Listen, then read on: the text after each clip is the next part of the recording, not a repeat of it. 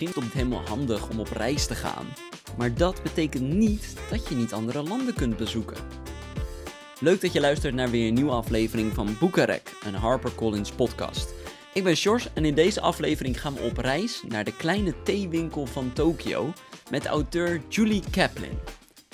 Voordat ze begon met schrijven werkte Julie Kaplan als PR-manager en reisde ze de hele wereld over. Ze bezocht de mooiste plekken, at het lekkerste eten en genoot van de beste dranken. Perfect leven zou je zeggen. Maar toch miste er iets. Al die ervaringen zorgden er namelijk voor dat Julie genoeg materiaal had om zelf een verhaal te schrijven. En dat was stiekem toch wat ze wilde. En daarom trok ze de stoute schoenen aan en besloot ze een cursus creatief schrijven te volgen. Nou, van het een kwam het ander en nu leeft Julie pas echt de droom. Ze kan haar leven fulltime besteden aan het schrijven van haar verhalen. Glad to be joined on the Boekenrek podcast by the author of the book The Kleine Theewinkel van Tokyo, also known as the Little Tea Shop in Tokyo. Julie Caplin, welcome. Good morning, thank you. How are you? I'm very well, thank you. How are you? Yeah, I'm very good. How, how have you been experiencing this weird year so far? Um, oh well, it has been very weird. I was actually in Vietnam on holiday when it all kicked off, and we had to come home early. Um, and then my grown-up children, who um, haven't lived, or one of them's at university and one lives in London, haven't lived here for a long time. So the whole family was home. Um, so trying to write in a quiet space and fight and all fighting over the broadband was quite interesting. But it settled down, and we had actually quite a nice family time. So they've all gone now. Oh, they're they they're uh, they left again. Yeah. Yeah. So it, it's it's not that uh, that strict uh, where you live anymore. Um, it has got more. It did it did release a little bit, but it's getting stricter again. But they wanted they wanted to be in their own places with their flatmates and roommates. Yeah, I can I can understand that. Yeah, it, it's the same here. We uh we got a little bit of breathing room, and now everything's getting more strict again. Um, for the second wave. Um, so so it, it, has been a weird year, and uh, you have been uh, around your family then. So your your writing time has been uh, different than usual then. Um, well, actually, because we all shut ourselves away in different rooms, um, I actually got more writing done because um, there were no distractions. Normally, I have the house to myself, so I think, oh, I'll just do this and I'll just do that. I'm a great procrastinator. It takes me a long time to settle down to write. But because I was locked away, I was working in my bedroom. I really did have to do some work. you didn't have any other choice. No, well, that's that's good for your working process. it was very good. I got lots and lots of work done. Um, so that that was good. It focused the mind somewhat. Yeah, so that's that's the bright side of all this. Yeah, and uh, can you uh, tell me how how do you spend your days? Um, yeah, du- during these these weird times. Um, well, I get I until two years ago I was um, still working in a and I had a day job and I would write in the evenings and and then luckily I got to the position where I could give up the day job. Um, so now I work from home writing, and the plan is that I write all day, but I am, as I said, I'm a great procrastinator. So it takes me a little time to get there. Um, and I'm not an early morning person, but my husband is. So I tend to be woken. And um, so I'll stay in bed, and that's my best thinking time. So I'll probably lie in bed for a little while with a nice cup of tea and think about what I'm going to write to the next day or plan what think about my plot and that sort of thing or my characters and um, that's quite good. And then if it's i am big on swimming so i go to the swimming pool um, and i try and do 40 lengths and while i'm swimming up and down i do quite a lot of thinking about my book. And then i come home and have another cup of tea and i probably start writing about 10 o'clock half past 11 somewhere between then. Um, and then i will write all day and i usually stop about six o'clock okay, so it's not like you're because you're not really a morning person that you write all night, or oh, okay. So. If I'm on a deadline, I will carry on going, but I I, I try to treat my writing as a job now. Um, because when I first gave up work, I, I missed the structure of the day. So I've tried to give myself a working day now. Yeah, just just like when you had your day day to day job, you try to do that the same thing with with writing. Yes, Yeah. I, I do treat it as a job. Yeah. And do you have some kind of weird uh, rituals around your writing? You, uh, like you, I have to do this or I have to do that before I can really start. Well, you said swimming and drinking a cup of tea, but do you have some some some rituals that you think uh, I can't start without doing this? Um, I can't start without checking my Amazon rankings to see where my books are. Oh, really?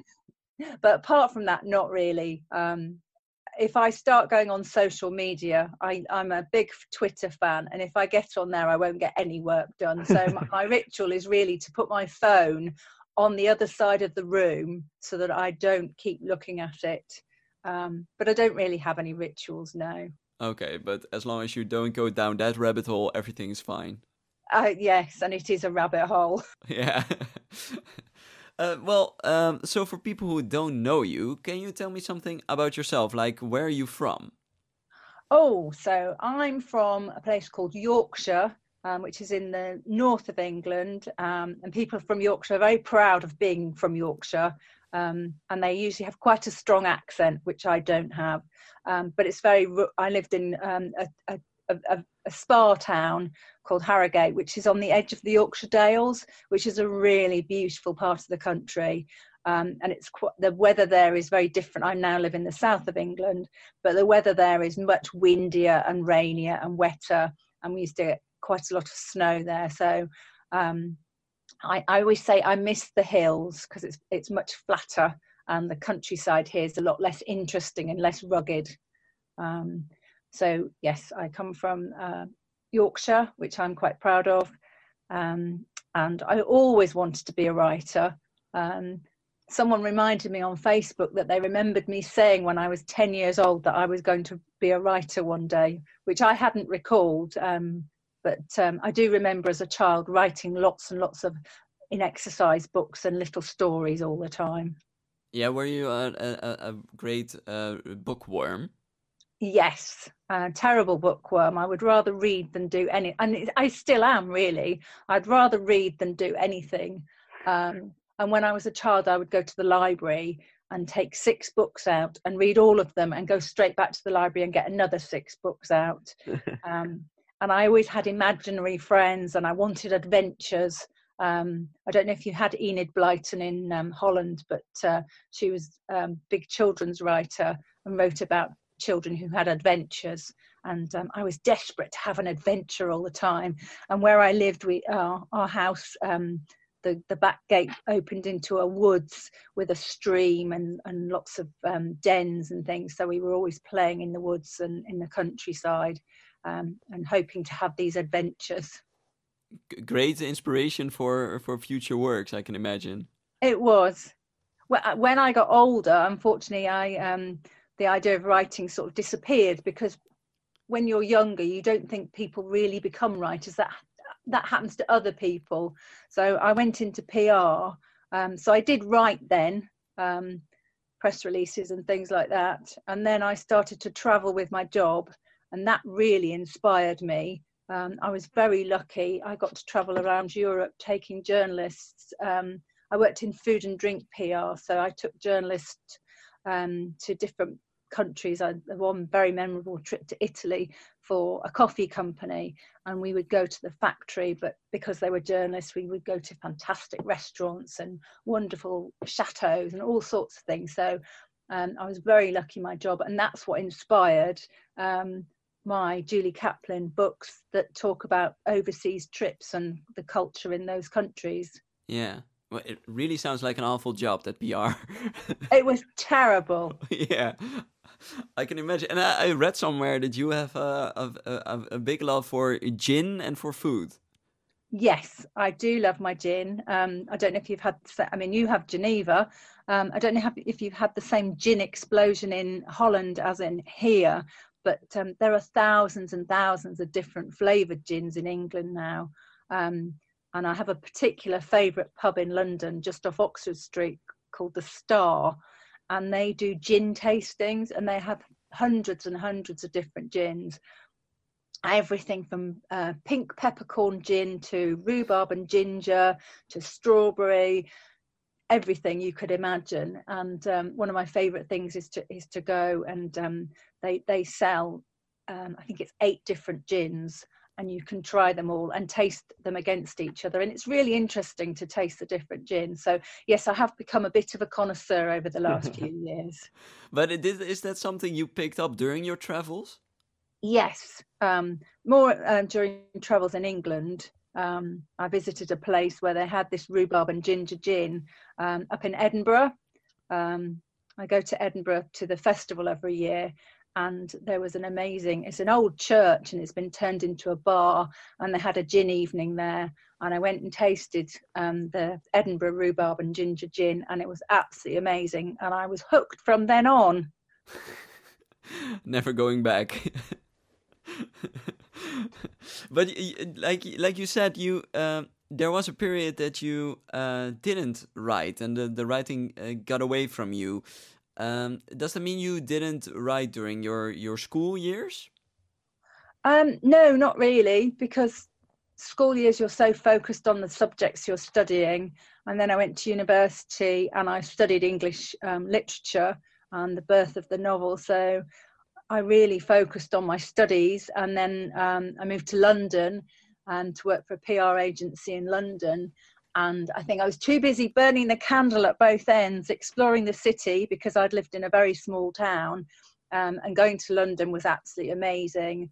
And I really wanted to, to to learn as much about the city as I could.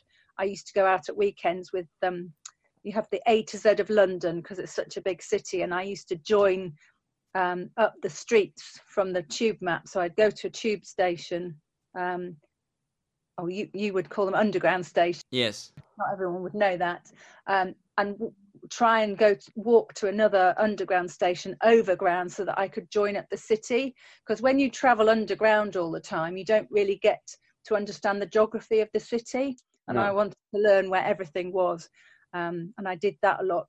So I spent an awful lot of time exploring the capital. Um, and I really didn't have time to write. And also, the idea had had sort of gone away. And uh, is that what you said? That that is that because uh, because of that first idea that you thought, um, well, I have this idea as a child that I'm gonna become a writer, but that's not for me. That's for other people. Is that something that that played a role with that? I just think I didn't know how to go about doing it. Um, and I was and I was with other people who weren't interested in writing. I think um, it, it, came to me a lot later but it it just sort of disappeared. Um, and I was writing features and stories for magazines um, through work, so I was still writing, but it just wasn't fiction, I guess. No, not your stories. Not my story, no. No. And when did that moment arrive that you thought, well, it's time for my stories? Um, I think it came when I was re- I, I read avidly, and any time I've moved to a new town or a city, the first thing I do is join the local library. And I think it got to the stage where it was no longer easy to to find books by authors that I hadn't read that I really liked, and I had a story in my head that I wanted to read, and it wasn't out there, so I decided to write it. Um, and I was I was put on six months gardening leave um, between jobs, so I had six months off, and I thought, right, I'm going to write this story, um, and I sat down and started writing a book, um, and I thought it was absolutely brilliant. and I showed it to my dad, who's a, a screenwriter and a um, TV director and a script writer, and I showed it to him, all excited, thinking he'd tell me, Yes, you're wonderful. And he said, It's absolute crap. well, it was interesting, but he he pointed out what was wrong with it, and he was completely right. Um, and I realised that um, I um, needed to go back to the drawing board and actually learn the craft of writing. I knew how to read a book. I knew what a book needed to do, I knew the structure of a book and that all the, the about storytelling, but I didn't know enough about um, the actual craft of writing. Um, and so I then signed up to do a, a course, a local course um, called Writing for Profit and Pleasure. And um, the gentleman that taught it, we had six lessons, and he was so inspiring and so in, informative that I realised that I knew nothing about writing whatsoever, and I really did have start from the beginning. And was was that uh, so? There you learned how to write, but did that mean your whole story went away, or did you adapt that story with your new writing skills? I, the story um, didn't go away. I carried on writing it. I did completely rewrite it, and it was actually the first book I ever had published. Although looking back now, I um, don't think it's my best work. But it's like, um, do you have the, the Great British Bake Off in Holland? Uh, yeah, yeah, uh, uh, uh something like that. Yeah, yeah. So um, I liken writing, and you're writing your first novel. You wouldn't bake your first cake and enter the British Bake Off or the Great Bake Off or a baking competition, would you? No. And yet, a lot of people write their very first novel with no experience and think, "Yes, I'm going to get published." And and there's no other um, sort of professional industry where people think like that. You don't think, oh, I've just done a run, I'm going to enter the marathon um, or anything like that. So, but with writing, people just assume that I've written a book, I'm going to get it published. And actually, there's so much learning still to be done. Um, and I'm very passionate about sharing that with other writers, saying you won't necessarily get your first book published, but it's not your best work. Keep writing and perfecting your craft because it is a craft and there is a lot to learn. And it's very easy to just um, think oh i can't get a publishing deal. I'm just going to self-publish. And there's lots of people that are doing that when they're not giving themselves the best chance to write the best book they can. No no and and i i is that also why you set up this group called the tring writers circle? That's right. So um well, at the end of my the six week course, um, we all um, said we wanted to carry on writing, and, the, and then the gentleman said, "Well, there isn't. The course is finished now, and, the, and the, um, they're not running another one." So we decided to set up our own writing circle, um, and I mean, I'm not a member anymore, but of that writing circle, two of us are now published. Um, and it was we it was just like-minded people who all wanted to write who were interested in writing. Not necessarily novels some were poets some just enjoyed writing. We had one lovely old man um, who was a great writer and wrote all sorts of weird and wonderful things but he had he had no interest in getting published. It was just something that he really enjoyed doing and he enjoyed sharing with the group. So yes we set up the group to inspire each other and it really did. And as a result of um, being part of that group um, we got speakers to come and talk to us when we could. And um, one of our members was a librarian um, the local librarian and she um, her someone in the library service was also a writer. And um, she asked her if she would come and talk to our group one night.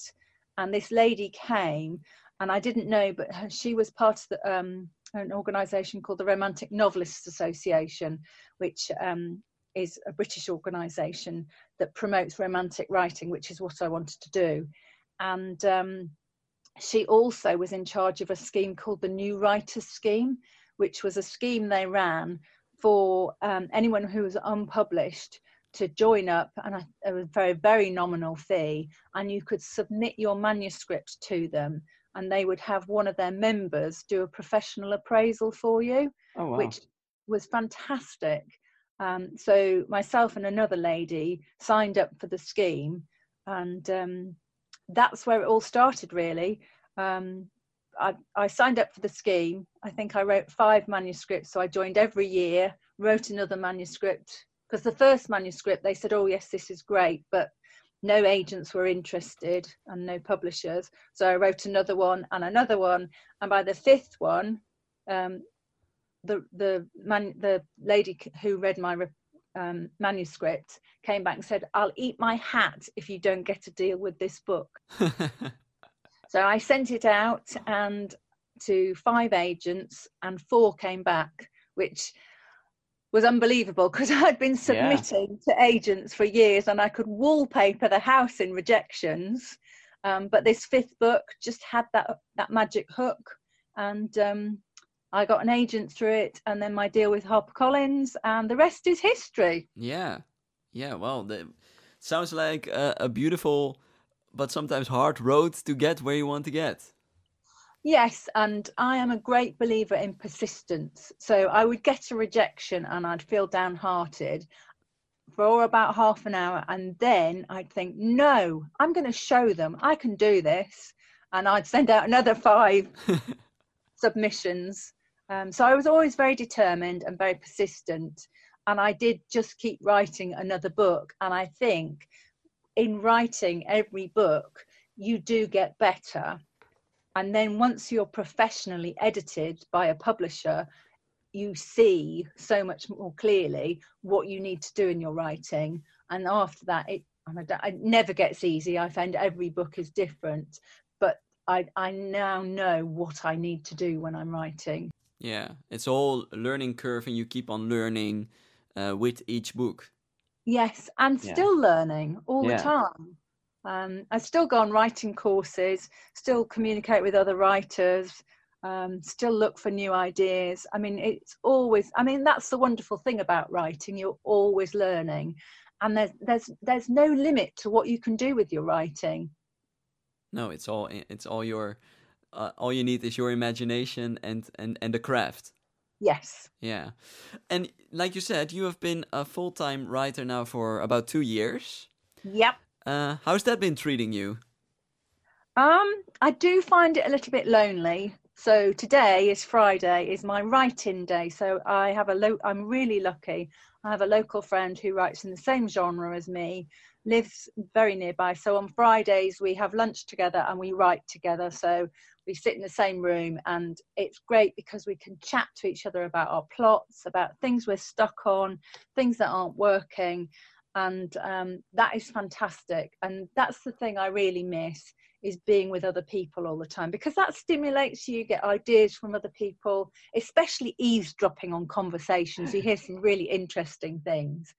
Um, and it's very easy when you're writing to sort of burrow yourself away and not mix with people. So i do have to make a conscious effort to go out sometimes yeah then then, then for that we don't live in the easiest times right now but well no and so yeah. and so not being able to go out i do miss it yeah. um, yeah i can i can imagine but but uh, it must be great that you can now focus solely on the writing and not just uh, yeah be be uh, occupied with a full-time job besides that. That's fantastic absolutely wonderful. Yeah. Um, I, I, do miss the stimulation of working with other people and um, those what my agent calls water cooler moments. So when people are in the staff room talking about um, a tv show that they've seen or characters in a reality tv show you need to reflect modern society in your books and keep up with things. And so not have not being part of that um, social situation at work where people are talking about who's one I'm a celebrity, get me out of here, or whatever those reality TV programs are. Um, sometimes you miss out on some of that cultural um, zeitgeist of the moment, if you know what I mean. Yeah. So, um, I mean, social media is good for keeping up with that, but um, so a writer doesn't can't just lock themselves away they do need to mix with other people and, and get some of that cultural content into their books because that's how other people relate to your books then yeah and and, and like you said with the whole eaves, eavesdropping you can uh, get some inspiration for maybe your stories oh you can get some great ideas yeah. from other things people yeah. people saying things yeah, people just uh, real life is often crazier than uh, the things you can come up with. Yes, although sometimes real life you're not allowed to use because people say that nobody will ever believe that. Oh yeah, right. but it did happen. yeah. Um, and for the for the future, are there more Julie Caplin books uh, on the horizon? Yes, um, I've just written the next one, um, which is going to be the Little Swiss Chalet, um, and I'm waiting for the what we call structural edits back from my editor, um, which is always a nerve-wracking time because that's the first time they've seen the book, and um, it's not unknown for them to say, you need to completely rewrite this bit or take this character out or this isn't working so you need to do something different so it's always a very anxious time waiting Yeah. for those to come in Someone to criticize. um well i i one of the things about being published by a big publisher is that um yes you do get the criticism and you get the feedback but you get it from professional people who are doing it to make sure you're writing the best book you can um, so i never feel it's criticism I feel that it's support and help. Um, I have a fantastic relationship with my editor, um, and I really trust her judgment. So if she says you need to rewrite this, I'm afraid I might grumble a little bit to start with, but I know she's right. and you will do it. I will do it. Yeah. Well, for now, uh, people uh, can enjoy uh, your newest book here, The Little Tea Shop in Tokyo. And uh, and we will uh, look forward to the next books that are on the horizon from Julie Caplin. I, I want to thank you for joining me today in the podcast. Well, thank you for having me.